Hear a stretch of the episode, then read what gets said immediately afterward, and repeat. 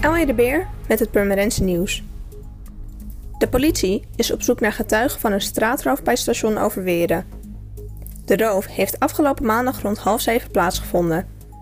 Er is al een verdachte opgepakt, maar de politie is nog op zoek naar twee andere verdachten. In het bijzonder een man met een rode jas, zwarte pet en een blauwe broek. Bij informatie kan er gebeld worden naar 0900 8844 of anoniem via 0800 7000.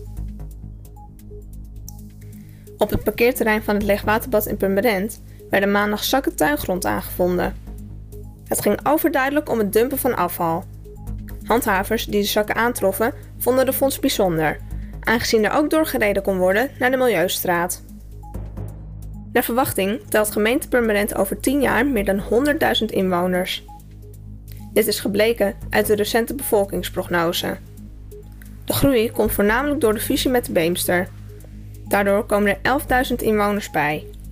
Daarnaast worden ook veel nieuwe huizen gebouwd, waar ook gezinnen buiten Purmerend kunnen wonen.